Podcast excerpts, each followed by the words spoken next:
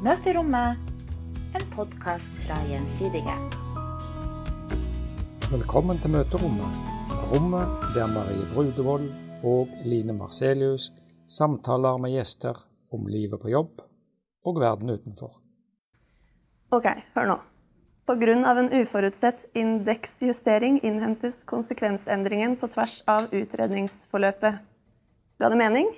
Ikke for meg heller. Setningen er hentet fra Språkrådet, Språkrådets Svada-generator for forsikringsbransjen, og er nettopp det, bare Svada.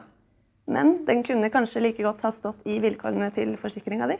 Ja, for vilkår er jo noe de færreste av oss orker å sette seg inn i. Og hvorfor er egentlig forsikringsspråket så vanskelig? Kan vi ikke gjøre det mye enklere? Og hvordan kan språket lage krøll for en forsikringssak, og hva gjør vi for å bli bedre? I dagens episode så skal vi grave litt i det her berømte forsikringsspråket. Og spadene gir vi til Christian Haraldsen, kommunikasjonssjef eh, her hos oss, og Heidi Bunes Eklund, språkkonsulent i NTB Arkitekst. Var det riktig? Mm. Yes, Hjertelig velkommen til møterommet, begge to. Takk for det. Og for å varme, varme opp litt, så starter vi med tre faste spørsmål. Jeg begynner med deg, Kristian. Hva var den første tanken som slo deg da du så deg sjøl i speilet i dag morges? Eh, det skulle har vært at i natt har jeg sovet dårlig. Nettopp. Og det går bedre nå? Ja, det går bedre nå. Ja. Mm. Og du, du Heidi? Ja, jeg må innrømme at jeg tenkte at jeg gleder meg litt til juleferie. Teller litt ned nå. Ah, det er mange av oss. Eh, Hvis dere kunne få nøyaktig hvilken jobb dere ville ha, hva skulle det vært? Jeg kan begynne med deg, Kristian. Åh, ja, bortsett selvfølgelig fra drømmejobben som Check, jeg sitter check. i Det sier alle. Det, det er ikke, ok, det, vi glemte det. det er ikke lov å si det. Nei, det er ikke lov å si det. Nei, jeg sier det. det er ikke lov å si. Nei, um, uh, drømmejobben, det tror jeg må kanskje vært sånn, eh, altså sånn eventyr, sånn eh, ekspedisjonsmann. Ja. Uh, går til Nordpolen og blir sett av hele verden. Uh, det tror jeg, det måtte vært veldig gøy. Fantastisk. Hva med deg, Heidi? Ja, jeg også er jo veldig glad i jobben min, da. Og vil jo jobbe med språk. Men jeg kunne godt tenke meg å jobbe med eh, enda litt mer med digitalisering og språk i digitale løsninger. Det, det trengs. Og det er jo framtida. Det er framtida. Ja. Og så, det her er kanskje et litt vanskelig spørsmål, men vi har fått veldig mye spennende svar. Da kan jeg begynne med deg, Heidi. Hvis du kunne fått møte med hvem som helst, død eller levende, hvem ville du helst ha møtt? Da tror jeg kanskje jeg ville tatt en prat med Greta Thunberg. Ja. Eh, Jeg syns jo en av hovedutfordringene vi møter når vi jobber med, med klarspråk og det å forbedre og forenkle eh, tjenester, eh, det handler jo om at vi, vi tenker for likt som vi alltid har gjort. da. Og det snakkes jo så mye om mangfold og at man skal begynne å tenke annerledes og, og utenfor boksen. Og da trenger vi blikket til Greta Thunberg, tror jeg. Kristian? Uh, ja, det er jo et spørsmål som det, det er sånn vanskelig å svare enkelt på. For, for da tenker jeg med en gang uh, Er det liksom bare for å treffe og prate litt? Eller kan vi tenke oss at vi kan reise tilbake i tid, og at vi kan påvirke? Uh, og da er vi jo plutselig inne i liksom, muligheten for at du kan gjøre store ting eh, for verden med å endre noe som skjedde før. Men det kan jo selvfølgelig føre til at da, da vil ikke jeg sitte her nå. eh, For da vil jo hele historien ha endra seg. Eh, Men altså hvis man kunne ha møtt noen av de som var helt sentrale i Europa i sommeren 1914, like før første verdenskrig ut, så måtte det vært utrolig spennende. Keiseren av Tyskland, keiseren av Østerrike eller tsaren av Russland. Og rundt et bord med dem kunne du ha sittet. Ja, der kunne jeg ha sittet. Og, og, forklart, for og forklart de hva, hva, hva skal de gjøre nå. Endre, endre litt. Mm. Vi skal straks begynne å snakke om språket, men aller først kan dere kort si litt om hva slags bakgrunn dere har. Heidi, kan begynne med deg. Ja, jeg har bakgrunn som eh, tekstviter, så det er liksom språk og kommunikasjon, da. Og klarspråk spesielt, som er mitt eh, felt. Jeg har jobba i over 15 år med klart språk i offentlige og private virksomheter. Og øhm, min bakgrunn er altså når, når, i, I og med at vi skal snakke om språk, så kan jeg si at jeg har ikke sånn språkbakgrunn. Annet enn at jeg alltid var flink til å skrive stil på skolen. Um, så jeg har studert på Handelshøyskolen, um, Norges handelshøyskole. Um, ikke Handelshøyskolen i Bergen, som det ofte kalles. Til stor irritasjon for de som driver den. Uh, så jeg er siviløkonom. Og har uh, også jobba tolv år som journalist i Finansavisen og Aftenposten, før jeg da begynte å jobbe i Gjensidige med kommunikasjon. Dere er jo begge opptatt av språk, vet jeg. Heidi, kan du forklare hva klarspråk egentlig er, og hvorfor det er så viktig? Mm. Klarspråk det handler jo om at en tekst skal være sånn at de den er ment for, kan finne den informasjonen de trenger, og forstå den informasjonen, og ikke minst kunne bruke den til å gjøre det de skal. Eh, så klarspråk er jo ekstra viktig i de tekstene som skal gjøre en jobb for oss. Jobbtekster, rett og slett. Veldig ofte så skal jo de hjelpe oss med en oppgave. Og da er det jo viktig at de både får frem det de, eh, det de vil si, men, men, ikke minst at de er egna for, for, den målgruppa da, som skal bruke det. Så har jo du jobba i flere år med dette emnet, og det er jo i utvikling, også som du var inne på innledningsvis, også når det gjelder digitale flater. Mm. Jeg lurer litt på hva inntrykket ditt er sånn generelt da, av eh, bransjespråket, altså forsikring og finans. Litt sånn i lys av at du har vært eh, innom flere selskap og hjulpet deg med klarspråk også mm. hos oss. Eh, har det blitt bedre eller verre? Mm. Det har blitt bedre. Ja, det er bra. Ja. Mitt inntrykk er at det skjer veldig mye, egentlig. Um, og at det har, for det har jo vært en Det er jo utfordrende å skulle kommunisere klart og godt når man har regelverk og vilkår og mye sånn tungt i bånn. Um, og det er jo helt naturlig at man har et fagspråk som kanskje ikke er så kjent for de man skriver til bestandig. Uh, men mitt inntrykk er at, uh, at bransjen jobber veldig uh, med dette og prøver å gjøre språket mer tilgjengelig. Og så tror jeg vi er veldig heldige nå, fordi det er en sånn fase der hvor veldig mye skal digitaliseres, ikke sant, som du er inne på. Eh, og da må vi jobbe med alle deler av både innhold og uttrykk. Eh, og da får vi heldigvis sneket inn klarspråk da, ganske mange steder. Så bra. Mm. Og Kristian, jeg vet ikke om det er helt riktig å si at du har jobba som er det finansjournalist? Vi kan godt kalle det det. Ja. Og det, det, det, er jo, altså Ordet finans er jo tungt nok for mange bare å tenke på. Jeg lurer på, før du kom inn i Løvens hule, da, gjensidig forsikring, eh, hva slags forhold hadde du til type forsikringsspråk, eller det der litt sånn ordentlige, tunge språket? Eller var det et språk du kanskje jobba jobba i når du var journalist? Eh, ja, jeg skrev jo om eh, finans og forsikring som journalist, så jeg var nok eh, Jeg kunne nok litt mer om forsikringsspråk enn eh, liksom, den helt alminnelige mann i gata. Eh, men eh, så, så, sånne ord som combined ratio Det, det, det er et vakkert ord. Ja, det, det, må vi google. Ja, ja. Ikke sant? Det, det er et veldig vakkert ord. Eh, så sånn ord kunne jeg. Men eh, det var mange ord som jeg ikke var fortrolig med. Eh, så blant annet så tok det en stund før jeg kunne si sånne ting som at skaden er dekningsmessig. Og så føler jeg meg trygg på at jeg ikke, ikke sa noe dumt eller brukte ordet helt feil. Men var du bevisst på det, at du hadde et ansvar for å liksom bringe klarhet i ting, eller var det mer sånn at alle bare skrev det på samme måte, så da var det Da, da gjorde vi det bare av gammel vane? Jeg på noe Nei, at når du, når du skrev i uh, saker, da, oh, ja, eh, ja.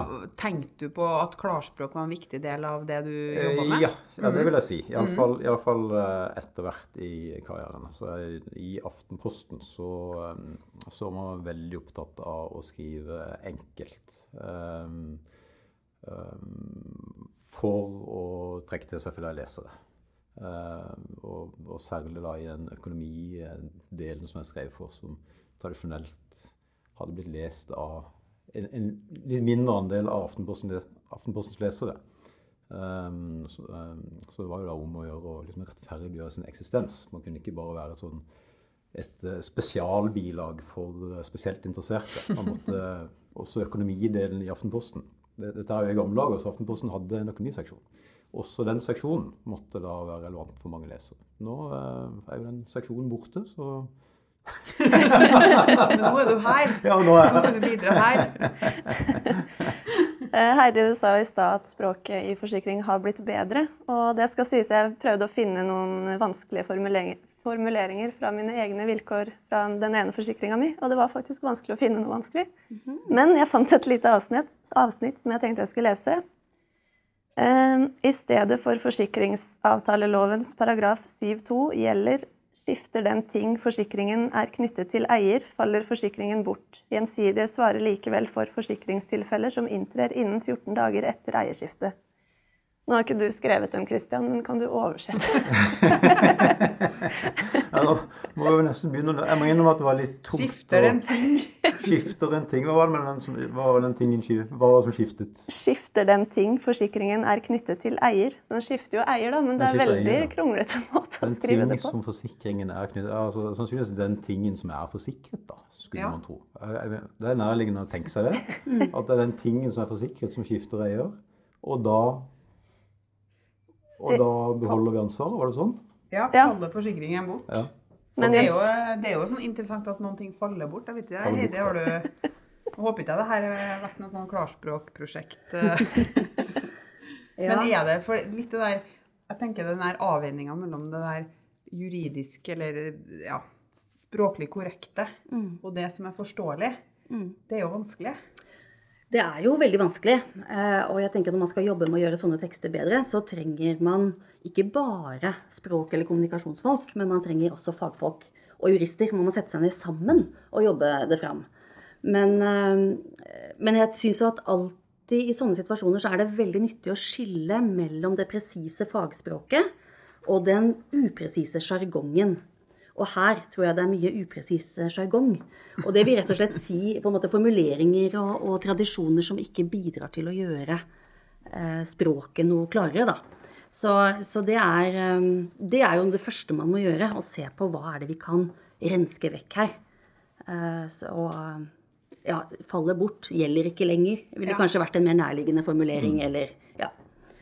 Og så tenker jeg, det er jo ikke det er jo ikke bare i bransjen vår, eh, også i politikken så er det jo kjent at politikere bruker et språk som eh, ja, gjerne bare de sjøl forstår til slutt. Eh, mm. Og så tenker jeg at mange kanskje opplever en slags sånn arroganse da, i møte med store selskap som skal på en måte slå i bordet med et, et eller annet vilkår. Eh, snakker vi egentlig over hodene på folk når vi snakker sånn? Hva tenker dere om det, Kristian? Um, ja, altså, jeg tror Vi har gjort et samvittighetsfullt arbeid med å skrive tydelig og forståelig. Eh, også er det selvfølgelig sånn at det er veldig mye vi skal eh, formidle. Eh, og vi vil alltid leve med det dilemmaet at eh, hvis vi eh, skri, altså, skriver vi lite, så kan vi både påta oss en risiko for at vi, at vi får ansvar for noe som egentlig skulle, hatt ansvar for. Altså at kunden kan få erstatta noe som, som, forsikringen egentlig ikke skal, skal, dekke. Og også at kunden kan grunne til å være i tvil om hva er det egentlig denne forsikringen her eh, dekker. Um, mens hvis vi, hvis vi, skriver veldig sånn uttømmende og langt, så, så, er det ingen som orker å, å begynne å lese dette her i gang. Og så drukner det vesentlige i, i en masse detaljer og uvesentligheter. Ehm, det, så dette her har vi jobba samvittighetsfullt med, og så er det et dilemma som vi alltid kommer til å, å leve med. helt klart. Og så er det selvfølgelig sånn også at det produseres jo veldig mye tekst hele tida. Og så gjøres det for tid til annen noen, noen skippertak, og så har man eh, noen, eh, forsøker å ha noen rutiner for at uh, ting skal være i orden. Men, men, så er det veldig mange som skriver, og de har mye de skal tenke på, og de har litt forskjellige forutsetninger for å skrive, og så blir det litt sånn Det blir litt av hvert, da som, eh, som kommer ut. Du nevnte kunden. Vet du om det har vært noen sånne skadesaker hvor språket har bidratt til å skape misforståelser i en skadesak? Eh, har vi sånne tilfeller? Eh, det vil overraske meg veldig hvis vi ikke har det. Uten at jeg kjenner noen konkrete tilfeller. Men det som er veldig vanlig, er jo at, at folk har litt feil forventninger når de melder inn en skade. De tror f.eks. Altså de tror gjerne forsikringen dekker veldig mye mer enn det den gjør. Um, og, og nå, nå, er det ikke bare altså sånn språklig presisjon som avgjør uh, hva slags forventninger kunden har.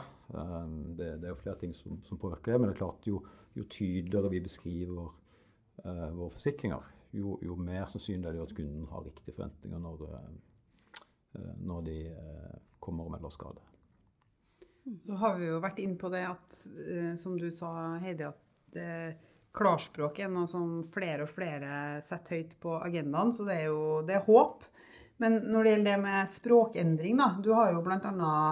Eh, hjulpet oss gjensidig med å utvikle et eh, eget klarspråk, gjensidigspråket. Og det var en endring som skulle til for å få til det også. Og endringer gjør jo ofte vondt. Hva er inntrykket ditt av sånne endringsprosesser? Hvor er det smerte mest å liksom bli enig om at ok, nå er det det vi kommuniserer til kunden, eller nå er det sånn vi skriver det her vilkåret? Hva er på en måte den største kimen til konflikt? Ja, nei, jeg eh, tenker at det, det, folk ofte er redde for, er jo det å miste det presise fagspråket sitt.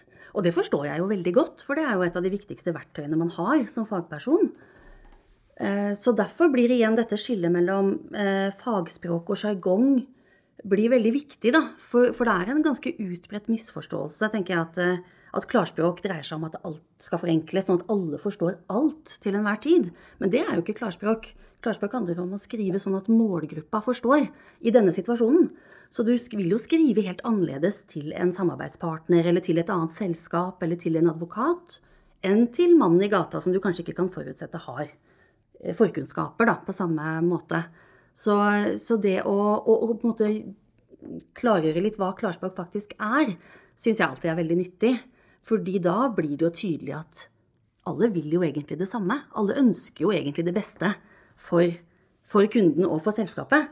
Eh, så, så, da blir det lettere å jobbe i samme retning, da, når man har på en måte liksom klare, eh, klare føringer for hva er det vi prøver å få til her. Kan du fortelle litt mer om gjensidigspråket for dem av oss som ikke kjenner så godt til det? Mm -hmm. Gjensidigspråket er jo som du sier, det er eh, hjelp til å skrive, skrive klart og godt. Så det handler jo om at man eh, alltid skal eh, tenke nøye gjennom hvorfor skriver vi denne teksten, og tilpasse den til målgruppa. Og tenke gjennom hva er det de som skal lese og bruke teksten, skal, skal vite og føle etterpå. Og så er det noen prinsipper for struktur, f.eks. at vi skal bruke gode mellomtitler, gjøre det enkelt å orientere seg i teksten, og at vi skal bruke et eh, forståelig og oppdatert språk. F.eks. at ikke vi skal vi skal på en måte ikke rote det unødvendig til da, når vi vet at det faglige er ganske komplisert i utgangspunktet. Så må ikke språket tukle det til noe mer. Så bra da, at vi har eh, liksom satt det på agendaen med vårt eget. Mm, det, det, er det absolutt. Mm. Eh, for hva er det egentlig språket har å si for et selskap? Da spør jeg dere begge. Kristian, du kan begynne. Eh, nei, altså, Godt språk kan jo være et konkurransefortrinn, det. Eh, ehm, hvis vi skriver på en måte som gjør at eh, kunder føler seg trygge på at eh, de forstår hva vi prøver å selge, og hva de er i ferd med å kjøpe, så er det jo mye mer sannsynlig at de, at de handler enn hvis de sitter og blir veldig forvirra og lurer på hva er det egentlig dette, her, dette produktet dekker. Hva, hva, er det egentlig de forteller meg, hvilke betingelser er det de stiller. Eh, hva er det egentlig jeg må gjøre for å, eh, for å kjøpe på en riktig måte? Eh, hva slags opplysninger er det egentlig de ber om? Sånne ting. Så, så, godt språk kan være et konkurransefortrinn. Og også et poeng som, som Heile nevnte tidligere, som, som, er veldig altså, Noe av det mest sentrale å tenke på da, når man skriver, det er jo hva er det egentlig vi vil at folk skal gjøre? Det spørsmålet bør man stille seg når man, har, når man har skrevet noe og er i ferd med å publisere. Hva er det egentlig jeg vil at folk skal gjøre når jeg har lest dette? Og er det sannsynlig at det jeg har skrevet her, vil hjelpe de til å gjøre akkurat det? Um, og hvis man klarer å tenke sånn, så, så bruker man språket på en måte som Eller da, da, da er det mer sannsynlig at han bruker språk på en måte som, eh, som kan være et konkurransefortrinn. Har du noe å tilføye? Ja, jeg er helt enig. Språk er jo veldig viktig på mange måter. Og jeg tenker jo sånn som Eh, med gjensidighetsspråket, da, eh, så er det jo Dere er jo veldig gode på å gi den gjensidige opplevelsen til kundene om at de skal føle seg sett og hjulpet. Og, og hvordan får vi til det skriftlig? Så det, språket bruker, det blir jo viktig å også ikke bare se på skriveregler, men tenke hvordan skal språket brukes hos oss for å hjelpe oss å, å være de vi ønsker å være da, i den skriftlige kommunikasjonen. Enten det er vilkår eller det er digitale selvbetjeningsløsninger. Så, så språket er jo, er jo, med på å vise hvem vi er. Men så tror jeg da eh, at vi som kunder og forbrukere der ute blir mer og mer kravstore, og vi blir godt vant. Vi ser at eh, vi kan forvente klart og godt språk. Så jeg tror at eh, man må jobbe hardt og virkelig skru det til. For, for, for det med klarspråk tror jeg ikke lenger er noe man kan velge eller velge bort. Jeg tror alle må skrive godt for å klare å levere det kundene forventer. Så apropos det du sier om å språket vise hvem vi er, så merkevaren vår, merkevaren vår er jo um, Den har jo et utgangspunkt, men så tenker jeg at ofte er det et sånt skille mellom hvordan vi framstår digitalt. Der kan det være litt sånn lekent lett. Korte tekster. I chatten så er det sånn 'Halla, det var mm. synd. Eh, god helg.' Og så kommer du på en måte inn i avtaledokumentene dine, og så møter du liksom det der litt sånn mm. litt eldre det, eh, ansiktet til selskapet, da. Og det er jo ikke unikt for uh, forsikringsbransjen, vel. Jeg tror mm. bankbransjen har jo sikkert det samme. Hva tenker dere om det, da? Hva, hva, hva, hva kan vi egentlig gjøre med det? Eller er det mulig å gjøre noe med det? For du har jo en forventning at selskapet er det samme uansett hvor du møter det. Kristian, har du reflektert over det når du har lest gjennom forsikringsdokumentene dine nylig? Er nemlig ja, det, gjort det, da. Det ja, ja. ja det, det, håper jeg virkelig. Det, det gjør vi jo stadig vekk. Uh, altså det er jo litt sånn med de der forsikringsdokumentene, litt som uh, sånn personvernerklæringen uh, til alle sånne apper. At vi, vi, vi, leser ikke gjennom det der ord for ord. Vi stoler på at når vi handler med et seriøst firma, så, så, så får vi det vi betaler for. Mm. Men, men, ikke desto mindre så, så, er det jo ønskelig at folk leser så mye som mulig, sånn at de, eh, som jeg sa, at de har riktig forventning den dagen de, de skal bruke forsikringen. Eh, så det må være et mål å, å gjøre det også enkelt og, og presist og, og, forståelig. Og det må vi jobbe med. Og så vil det selvfølgelig aldri kunne bli like kortfatta og like lekent som eh, de tekstene som ligger uh, ute på, på nettet og, og, er vårt uh, ansikt utad. Det, det, vil nok være litt rart. Mm. Jeg er enig i deg, Heidi. Ja, jeg tenker jo at vi har For det er noe i det at det er, det er en del av disse litt sånn tyngre formelle dokumentene da, som ligger litt etter. Og som vi må løfte opp på litt samme nivå som mye av dette nye som vi utvikler. Og da da tenker jeg jo egentlig det at, at vi har noen vi, vi, må ikke bare se hver enkelt tekst for seg, da. Men vi må tenke hvor i, i kundereisen er det, er det, viktig å møte disse vilkårene? Eller, og kanskje skal de deles litt opp? ikke sant? Altså det er, for det er jo akkurat som du sier, Kristian, at vi leser jo ikke vi leser jo ikke alt før vi trenger det. Mm. Og da er det jo ofte litt for seint. Da har vi jo kjøpt og godtatt noe som vi ikke vet hva er. Og det mm, Der må vi kanskje også tenke nytt og smart og dele det opp litt. Og der gir jo eh, digitalisering også veldig mange muligheter, da. Som, eh, som jeg syns at, eh, at, man er flinke til å utnytte etter hvert. Sånn at kanskje, kanskje blir vi kvitt noen av de, de, de verste dokumentene etter hvert. Nå skal ikke du henge ut selskaper, men har du noe sånn inntrykk av hvor verstingene er når det gjelder uklart språk, hvis vi kan kalle det? Er det jussen eller helse, eller er det noe sånn område som du tenker er veldig uklar? Ja, det er, ja, det er et godt spørsmål. Jeg syns jo egentlig at utfordringene er ganske jevnt fordelt, jeg, da. Fordi de fleste bransjer har jo, har jo noe tungt regelverk og noe eh, på systemsiden som er ganske komplisert, som skal kommuniseres ut.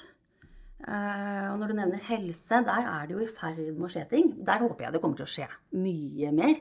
Men det skjer mye bra der òg. Eh, og det skjer, det skjer, mye bra mange steder. Så, så, det er egentlig kred til alle som jobber på. Vi må bare ikke stoppe opp og tro at, er, eh, at vi er ferdig når vi har jobba med Klarspråk én runde. For det handler jo om å flette det inn i alt vi driver med. Så det er det som er litt viktig, at Klarspråk er jo ikke en sånn silo eller en prosjektaktivitet. Det er jo noe som burde gjennomsyre alt, da. Mm. Så er det jo sikkert sånn at etter hvert for store selskap, eh, selvfølgelig mindre selskap, at kunde, kundemassen endrer seg. Eh, og de litt eh, tilårskomne kundene, eh, som kanskje setter pris på den litt sånn stive og nøyaktige språktonen, de forsvinner, og så kommer de litt sånn yngre kreftene til og vil ha det litt sånn kult og nedpå. Hva tenker dere om framtida, da? For det her bransjespråket? Er det liksom eh, emois og eh, Hva er liksom Hva vil du spå sånn eh, Vilkår med emojis, det er det. Vilkår med emojis. Ja, men det er ikke umulig. Hva tror Nei, du, Kristian? Det må bli flere sånne trebokstavsforkortelser. og- Det er vi glad i. Ja, ikke sant? Ja. Sånn lol, lol og sånn. Det, det må inn. Um, nei eh, Jeg er jo ikke sikker på at, eh, at vi finner så veldig mange kunder som egentlig setter pris på stivt forsikringsspråk. Det, Det var, det var en Veldig hypotese. ja. Det er selvfølgelig veldig. Um, det er sikkert mulig å, for å se om det er mulig å, å, å falsifisere en sånn hypotese. Men nei, jeg tror nok de fleste kunder vil sette pris på, eh, på enkeltspråk, og så selvfølgelig språk hele tida i eh, utvikling. Eh, det er det jo. Så det sånn at folk lærer gjennom livet. Så et av disse ordene som, som alle lærer når vi jobber med sånn språkforenkling, det er jo premie. Ikke sant? Premie. Det, det er jo noe man får når man har vunnet en konkurranse. Det er jo ikke noe man skal betale til forsikringsselskap. Men altså, min hypotese det er at eh, alle over en viss alder, eh, 30-35, vet hva en premie sånn i forsikringssammenheng. De vet at det er noe de skal betale. Uh, og det, det er et sånt ord som er veldig vanskelig å bli kvitt. Uh, fordi at det brukes jo hele tida, ikke bare av oss, men også i, i media og av vanlige mennesker som sitter rundt et uh, middagsbord og diskuterer forsikring, som selvfølgelig er noe av det mest spennende de kan tenke seg. Så, um, men så unge mennesker, da, mine barn, de vil antagelig ha, ha veldig så okay, lurer fælt hvis jeg begynner å snakke om premie som noen skal betale. Hvis du bytter ut ordet premie med en pokal-emoji, så Ja, kanskje. Da blir det mye klarere.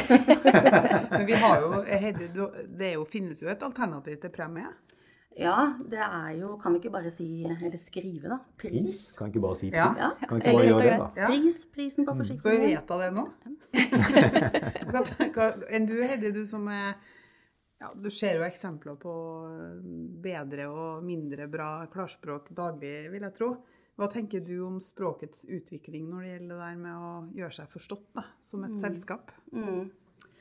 Altså, jeg tenker jo Jeg tenker like mye at vi kan lære mye av på en måte de, den yngre generasjonen, da. Altså, det, det, er jo ikke, det er jo ikke enten-eller. Det er det vi ser at, at språket må jo tilpasse seg de flatene og de kanalene som vi jobber i.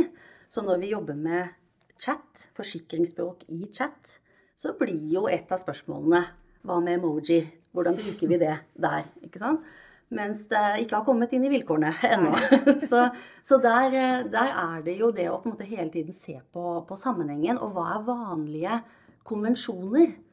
Og hva er vanlig på en måte, brukeratferd? Hva er god kundeservice i akkurat denne sammenhengen, f.eks. Så, så der vil det jo endre seg hele veien. Eh, mens jeg tenker at de unge i dag, de kan jo hjelpe oss veldig med å, å være tydelige, være kortfatta, klare å trekke ut essensen.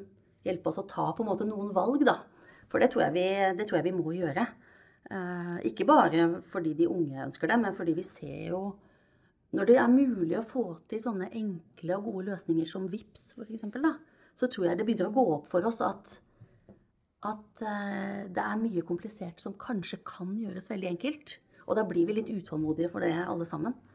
Så jeg tror vi, vi må henge med i svingene og være villige til å tenke både det ene og det andre fremover. Det høres ut som framtida lys, da. Og det beklager den Det blir gøy, ja. over at folk eh, Det er kanskje jeg som er sånn skjult utdanna jurist som henger litt tilbake i tid.